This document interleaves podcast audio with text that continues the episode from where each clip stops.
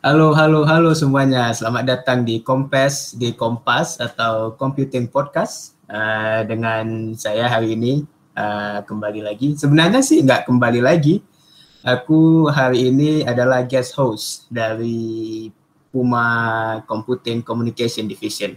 Kenalin, uh, aku Fawaz Akil dari IT 2000 uh, dari IT 2020. Nah, apa sih agenda Kompas hari ini? Nah, untuk agenda Kompas hari ini adalah kita ingin memperkenalkan tentang organisasi lain yang ada di PU.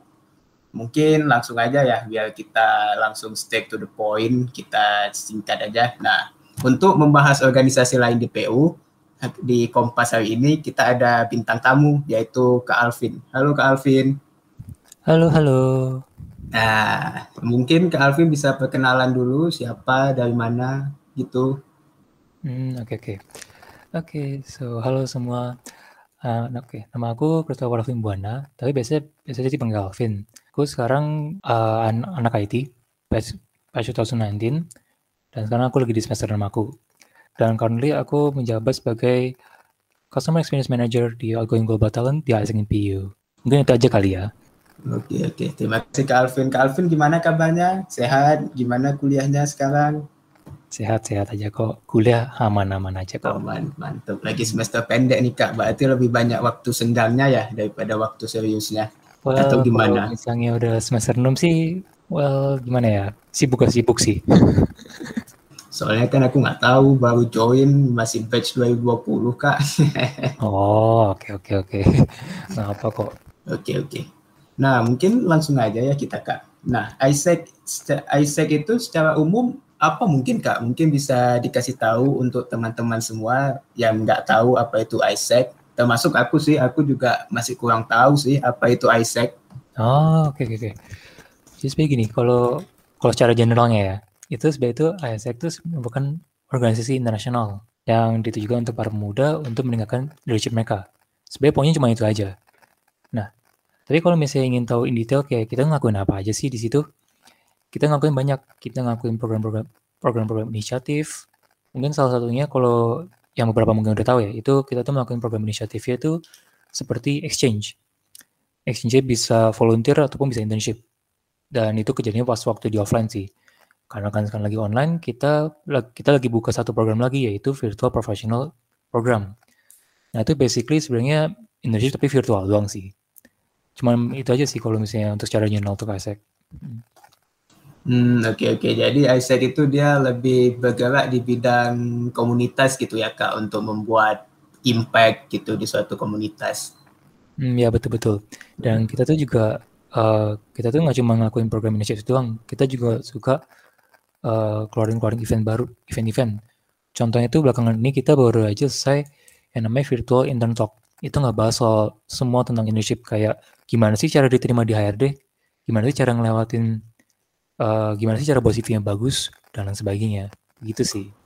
Berarti ada tips and trick juga seperti community service gitulah kak bisa kita bilang ya. Hmm, mirip-mirip gitu sih. Nah, oke okay, oke. Okay. Nah, Isaac ini kan yang seperti aku dengar tadi yang kakak jelasin itu kan dia international organization. Jadi itu dia kan induknya itu bukan di Indonesia gitu. Maksudnya Isaac ini kan dia global. Nah, untuk kita join Isaac ini apa harus kita pintar bahasa Inggris atau gimana gitu Kak? Atau mungkin profesiensi bahasa Inggris yang standar udah cukup atau gimana gitu? Hmm, oke okay, oke. Okay. Jadi gini, kalau misalnya yang kita tahu ya, yang kita tahu memang benar sih beberapa rata-rata orang dan dulunya aku juga begitu. Mikirin tuh kalau misalnya ASEC tuh kan organisasi nasional. Berarti pasti kan kita harus butuh skill bahasa Inggris yang bagus kan. Dan sebagainya sih. Ternyata nggak selalu gitu. Kita kalau maksudnya bahasa Inggris, selama bahasa Inggris kita nger kita ngerti, maksudnya selama orang ngom kita ngomong bahasa Inggris orang tuh ngerti, itu udah oke-oke aja sebenarnya. Dan kalau tapi kalau misalnya bisa bahasa Inggrisnya lancar, itu udah jadi plus point banget sih di situ. Berarti nggak nggak diharuskan untuk bahasa Inggrisnya harus mantep itu berarti nggak diharuskan ya kak ya? Nggak diharuskan 100%, cuman disarankan disarankan kalau misalnya good in, kalau misalnya bisa speak English fluently itu udah oke okay sih. Oke okay, oke okay, oke. Okay. Itu udah nah, oke okay banget. Uh, ini kan dia Isaac dia ini kan ISEC macam kakak bilang tadi itu organisasi internasional. Untuk perbedaan sendiri antara ISEC internasional sama ISEC Press Unif ada apa enggak kak? Atau cuma macam beda chapter doang gitu macam oh ini representatif ISEC di Press Unif gitu atau gimana kak? Hmm oke. Okay. Jadi sebenarnya gini kalau misalnya untuk ISEC internasional sendiri dia tuh punya divisi-divisi sendiri. Kalau misalnya ISEC Press Unif juga punya divisi-divisi sendiri Nah, sebenarnya itu kalau misalnya secara langsung itu sebenarnya itu ASEC Plus Indonesia juga merupakan cabang dari ASEC in Indonesia. Dan ASEC in Indonesia itu merupakan juga cabang dari ASEC Internasional. Jadi sebenarnya sih kira-kira begitu sih. Kalau berarti kira-kira menjawab banyak pertanyaannya nih. Bisa sih berarti secara nggak langsung ASEC yang di Press Unif itu nggak beda sih kak ya sama ASEC yang internasional gitu ya. Oke. Cuman okay, ya okay. induknya dari ASEC internasional sebenarnya itu sih. Oke oke oke oke.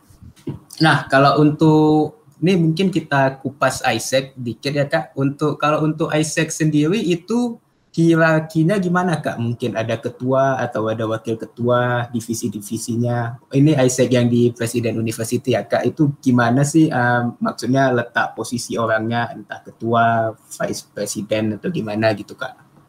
Oh, maksudnya kayak structural organization. Ah, ya, strukturnya. Ah, Oke. Okay. Jadi kalau untuk structural structural organization-nya tuh kita tuh yang paling yang paling tinggi biasanya itu dari uh, yang paling tinggi di Asia Presidenif itu biasanya itu dipanggilnya local committee president. Itu itu yang merupakan ketua dari semuanya. Nanti kalau sudah di bawahnya itu uh, dibagi dibagi menjadi, menjadi cabang-cabang. Jadi ada kayak divisi bagian finance divisi bagian dalam manajemen divisi bagian internship dan lain sebagainya. Dan itu itu dipimpin oleh satu yang namanya vice president Nah, kalau sudah di bawah vice president itu, masing-masing punya manajernya. Dan di manajer, di manajer itu tuh, dia tuh punya role masing-masing gitu. Dan di bawah manajer itu staff. Dan itu juga punya fungsional sama kayak manajer. Cuma bedanya dia, kalau manajer, manajer tuh lebih, uh, lebih berkontribusi lah kalau misalnya dalam situ. Maksudnya lebih, strukturnya lebih tinggi dan dia tuh lebih lebih banyak planning. Kalau staff itu juga kalau staff itu lebih ke eksekutornya juga. Gitu sih.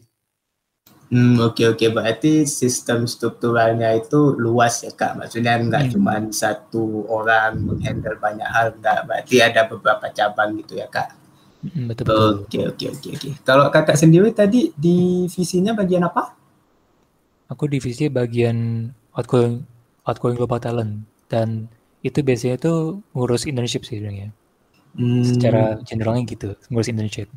Oke oke. Nah bicara tentang internship atau yang tadi juga tempat kakak mention tentang exchange student tadi, itu kan dia itu salah satu project ISEC kan ya tentang exchange student atau tentang internship.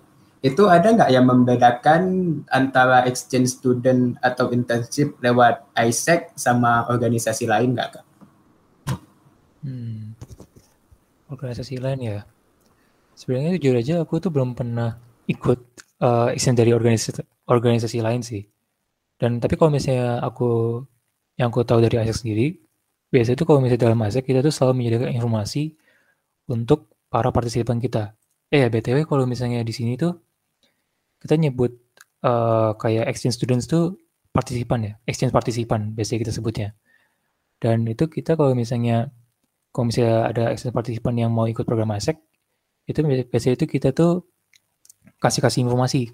Informasi apa aja sih? Kayak informasi seperti visa, informasi seperti uh, health health dokumen apa saja sih? Apa saja sih yang diperlukan? Kan kebetulan sekarang lagi COVID gitu. Beberapa uh, beberapa beberapa negara ada yang tutup border, tapi beberapa ada yang buka. Jadi kalau kalau ada beberapa yang ada yang buka itu kan perlu perlu yang namanya safety protocol kan. Nah, di safety protocol itu barulah kayak apa saja sih yang kita apa saja sih kayak health health requirement yang diperlukan Nah itu biasanya kita juga kasih informasi juga kepada exchange partisipan kita. Gitu sih kira-kira. Hmm, oke oke oke. Nah, bicara tentang exchange partisipan. Nah, misalnya nih Kak, aku berniat gitu untuk menjadi exchange partisipan via ISEC itu teknisnya gimana ya Kak? Atau tahap-tahapan untuk bisa menjadi exchange partisipan gimana? Mungkin teman-teman yang lain ada berminat juga kan untuk menjadi exchange participant via ISEC itu gimana ya kak? Hmm, oke. Okay. Jadi sebenarnya gini sih, kalau untuk jadi HSEC partisipan sih tinggal sangat mudah. Sebenarnya tinggal tinggal nih ya tinggal join tinggal buat buat akun aja di HSEC. Nanti kalau sudah ntar kita ntar kita hubungi dan nanti dan nanti proses terusnya nanti kita yang urus. Nanti setelah proses itu diurus nanti kita bantu-bantu juga tentang apa aja sih yang perlu disiapin. Nanti kalau udah itu baru dia uh, wait sebelum dia sebelum dia sebelum dia nyiap, nyiapin prosesnya dia apply dulu. Setelah dia apply baru dia melakukan proses-proses. Kalau sudah baru berangkat. Seperti itu sih prosesnya. Hmm, oke. Okay. Nah, berarti kita harus apply dan memenuhi persyaratan dulu gitu ya, Kak? Iya, betul. Nah, oke okay, oke. Okay. Nah, ini kita masih bicara tentang exchange. Waktu aku SMA kan, aku pernah itu ditawarin untuk program exchange. Tapi itu guruku bilang kalau misalnya aku ngambil exchange itu aku harus ngulang. Kalau di ISEC sendiri gimana Kak? Misalnya aku ngambil exchange apakah aku harus ngulang studinya atau masih bisa lanjut waktu kembali ke Indo maksudnya? Itu gimana ya Kak? Hmm, oke. Okay. Oke, okay, kalau misalnya ngomongin offline ya. Kalau misalnya ngomongin offline, oh wait, ini sebenarnya ini ngomongin apa nih? Ngomongin yang buat selama pas selama kuliah kita internship atau gimana nih kalau boleh tahu?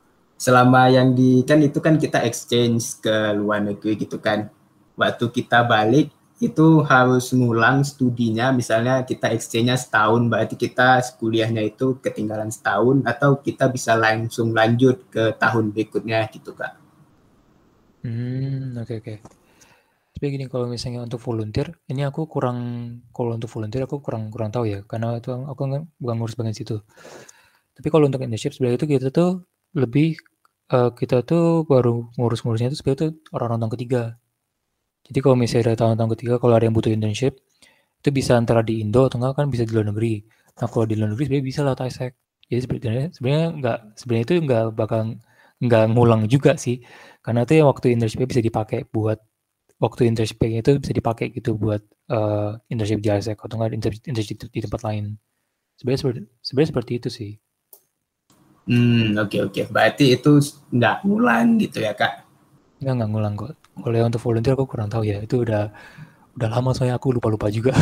Hmm, oke okay, oke. Okay. Nggak apa-apa, Kak. Nggak apa-apa. Nah, Kakak sendiri itu udah jadi member ISEC udah berapa lama, Kak? Sebenarnya udah dua tahun. Hmm, udah dua tahun. Kira-kira udah dua tahun aku masuk tahun 2019. Ya. Ya, kira-kira dua tahun lah. Berarti udah lumayan lama juga ya, Kak. Misalnya nih, Kak, hmm. aku mau join ISEC itu gimana sih caranya biar aku bisa join ISEC atau bisa jadi member ISEC mungkin teman-teman yang lain berminat untuk menjadi keluarga ISEC itu gimana biar bisa menjadi keluarga ISEC gitu kak hmm. oke okay.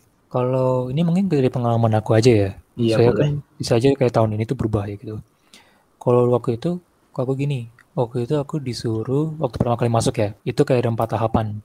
Pertama tahap ngisi Google Form.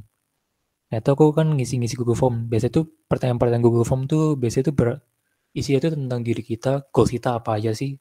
Terus kamu ngerti nggak apa ini yang kamu ikuti ini organisasi seperti apa? Sebenarnya seputar itu aja sih kalau misalnya Google kalau di tahapan yang pertama.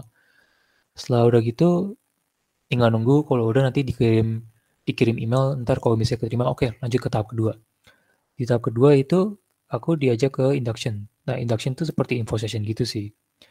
Nah, di info session itu kita dikasih tahu kayak divisi ini tuh kerjanya apa sih, divisi ini kerjanya apa, dan mereka tuh lagi butuh berapa banyak orang.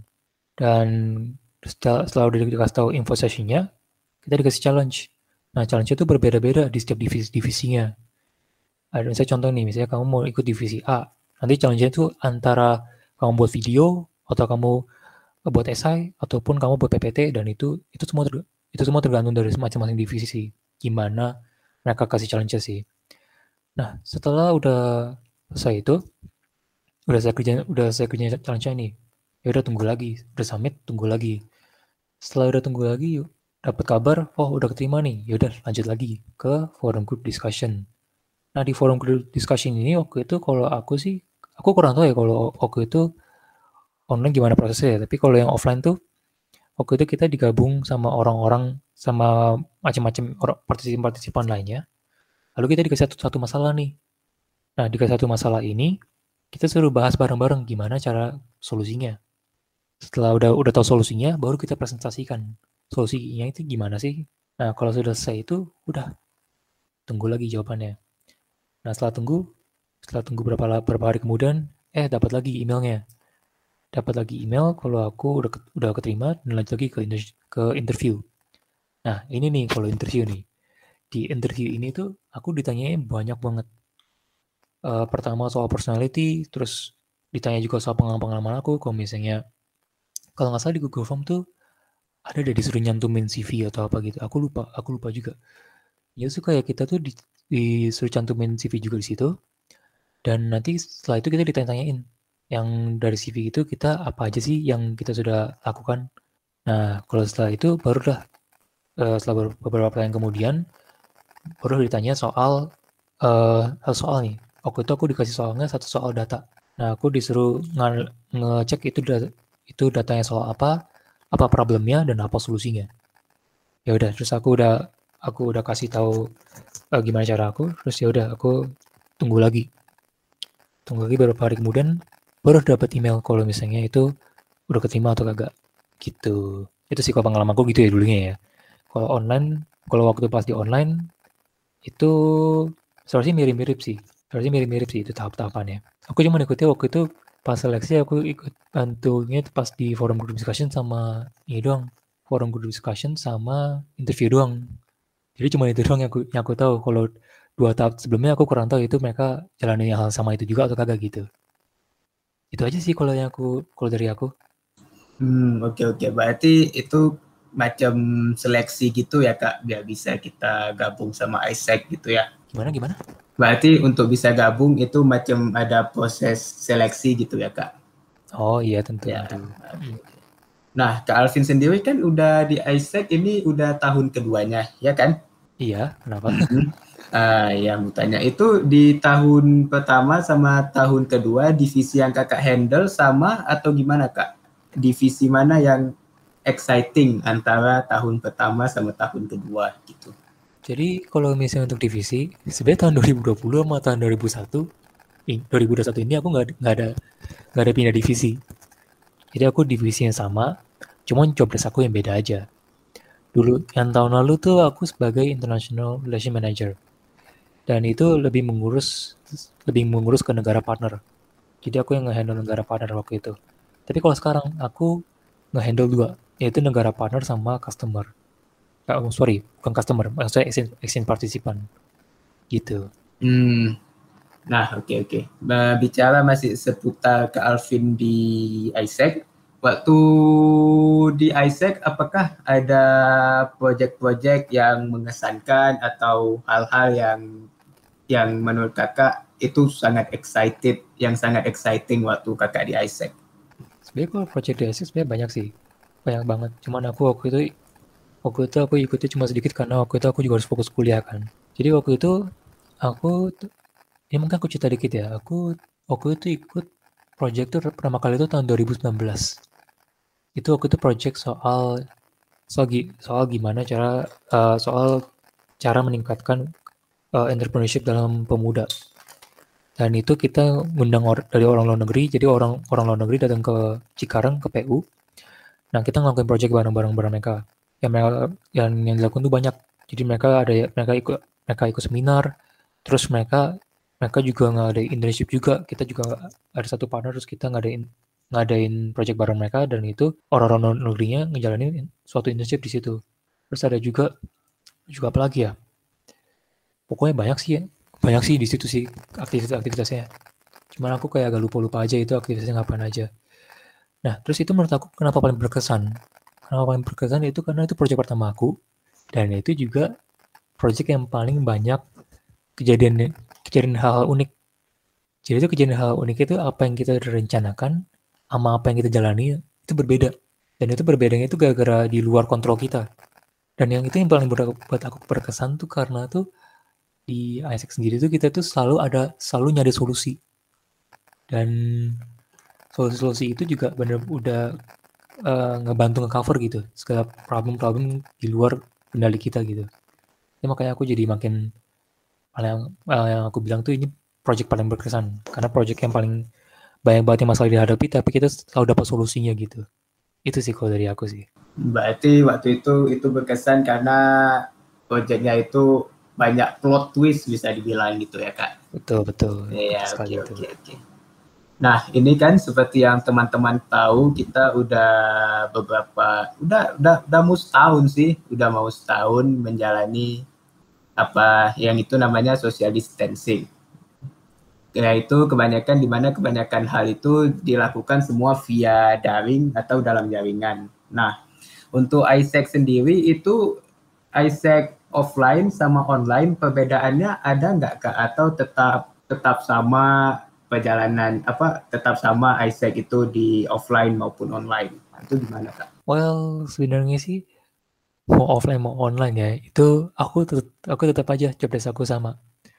Aku tetap kayak kalau misalnya yang tahu kan kalau misalnya offline kan biasanya sibuk karena ada project lain sebagainya di online pun juga sama kita juga sama-sama sibuk sama-sama hektik gitu jadi kayak sama-sama nggak ada beda nggak ada bedanya sih. Cuman kalau perbedaannya mungkin karena online kan jadi uh, karena social distancing kan jadi susah gitu.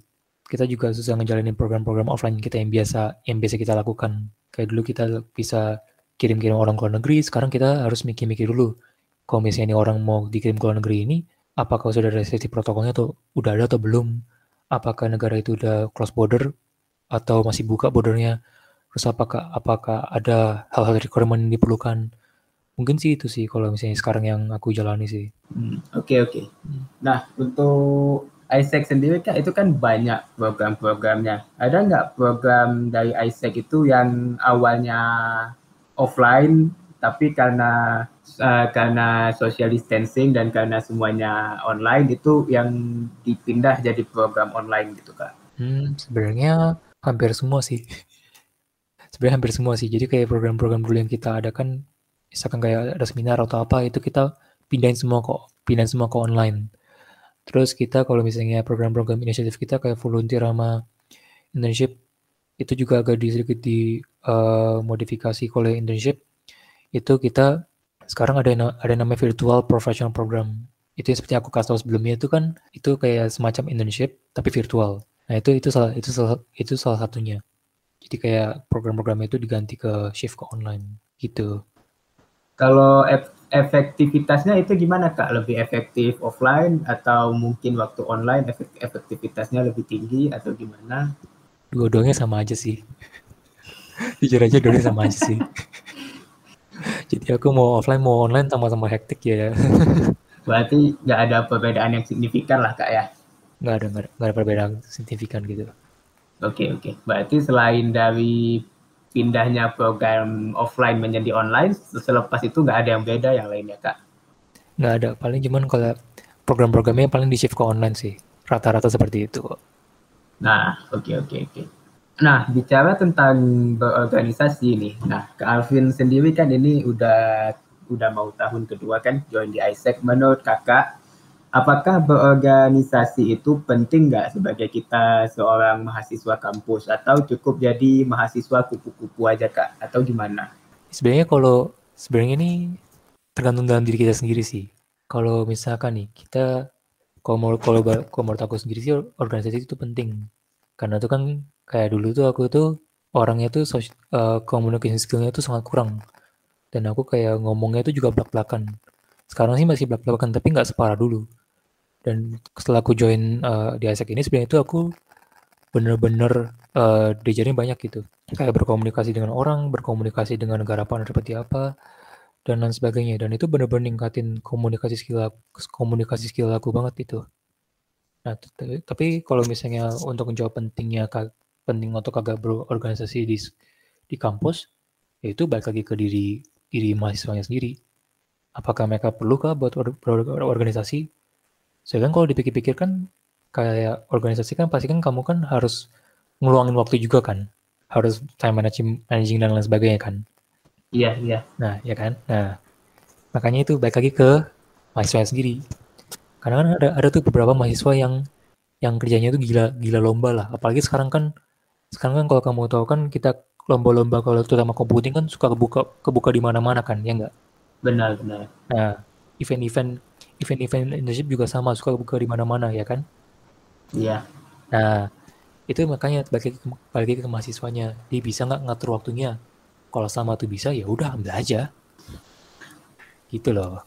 Berarti itu tergantung pribadi orang ya kak gimana betul tergantung pribadi tapi kalau misalnya aku bilang misalnya aku bilang berorganisasi itu membawa banyak keuntungan itu bukan suatu statement yang salah ya kak kak nggak nggak salah kok karena kan masing-masing kita kan ini dong punya alasan sendiri kenapa kita harus berorganisasi.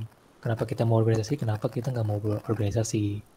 Nah, kalau misalnya aku bicarain sebelum kakak, sebelum Isaac sama sesudah Isaac, mungkin selama join di Isaac ada nggak skill-skill yang kakak dapatkan setelah join di Isaac? Nah, yang yaitu skill yang misalnya sebelumnya yang belum kakak punya sebelum join di Isaac, tapi setelah join di Isaac kakak jadi punya skill itu. Oh, itu itu tentu sih, tentu. Itu aku ngalamin banyak banget. Jadi sebelumnya kan aku udah kasih ke kamu, kalau aku pertama kan dulu kan komunikasi kan belak-belakan. Sebenarnya yeah. nggak cuma komunikasi. Sebenarnya tuh aku juga time managementnya juga kacau balau. Kayak terlalu go with the flow gitu. Kalau nggak bisa ini ya udah, kalau nggak bisa ini ya udah. Uh, terus aku selain time managementnya juga agak hancur, nggak bukan agak hancur, hancur banget dulunya. Itu aku juga nggak ngerti kalau misalnya dalam dalam tim tuh kerjanya itu gimana. Nah setelah kalau aku masuk dari Isaac, ini nih yang aku yang aku dapatkan ya. Pertama communication skill aku. Jadi aku tuh uh, ngobrol sama orang, terus sekarang udah agak lebih lancar. Itu yang pertama, itu yang pertama. Terus yang kedua, itu aku diajarin tentang time managing kan kalau misalnya aku berorganisasi kan aku juga harus ngatur waktu aku juga dong, ya enggak? Iya benar-benar. Itu aku belajar time management yang bakal penting banget nanti kalau pas aku nanti pas kerja nanti. Terus ketiga, itu aku belajar uh, belajar dalam tim tuh gimana cara kerjanya. Kalau misalnya dalam tim kan yang kalau misalnya di kampus kan cuman ada satu project, ya udah jalani project habis sudah selesai. Tapi kalau misalnya di ASEC itu aku tuh diajarin dari awal mula tim dibuat itu seperti apa, terus perjalanannya seperti apa, terus akhir-akhir itu harus ngapain supaya tim itu tuh tetap sustain gitu. Itu sih yang kalau aku pelajari sama aku di Isaac.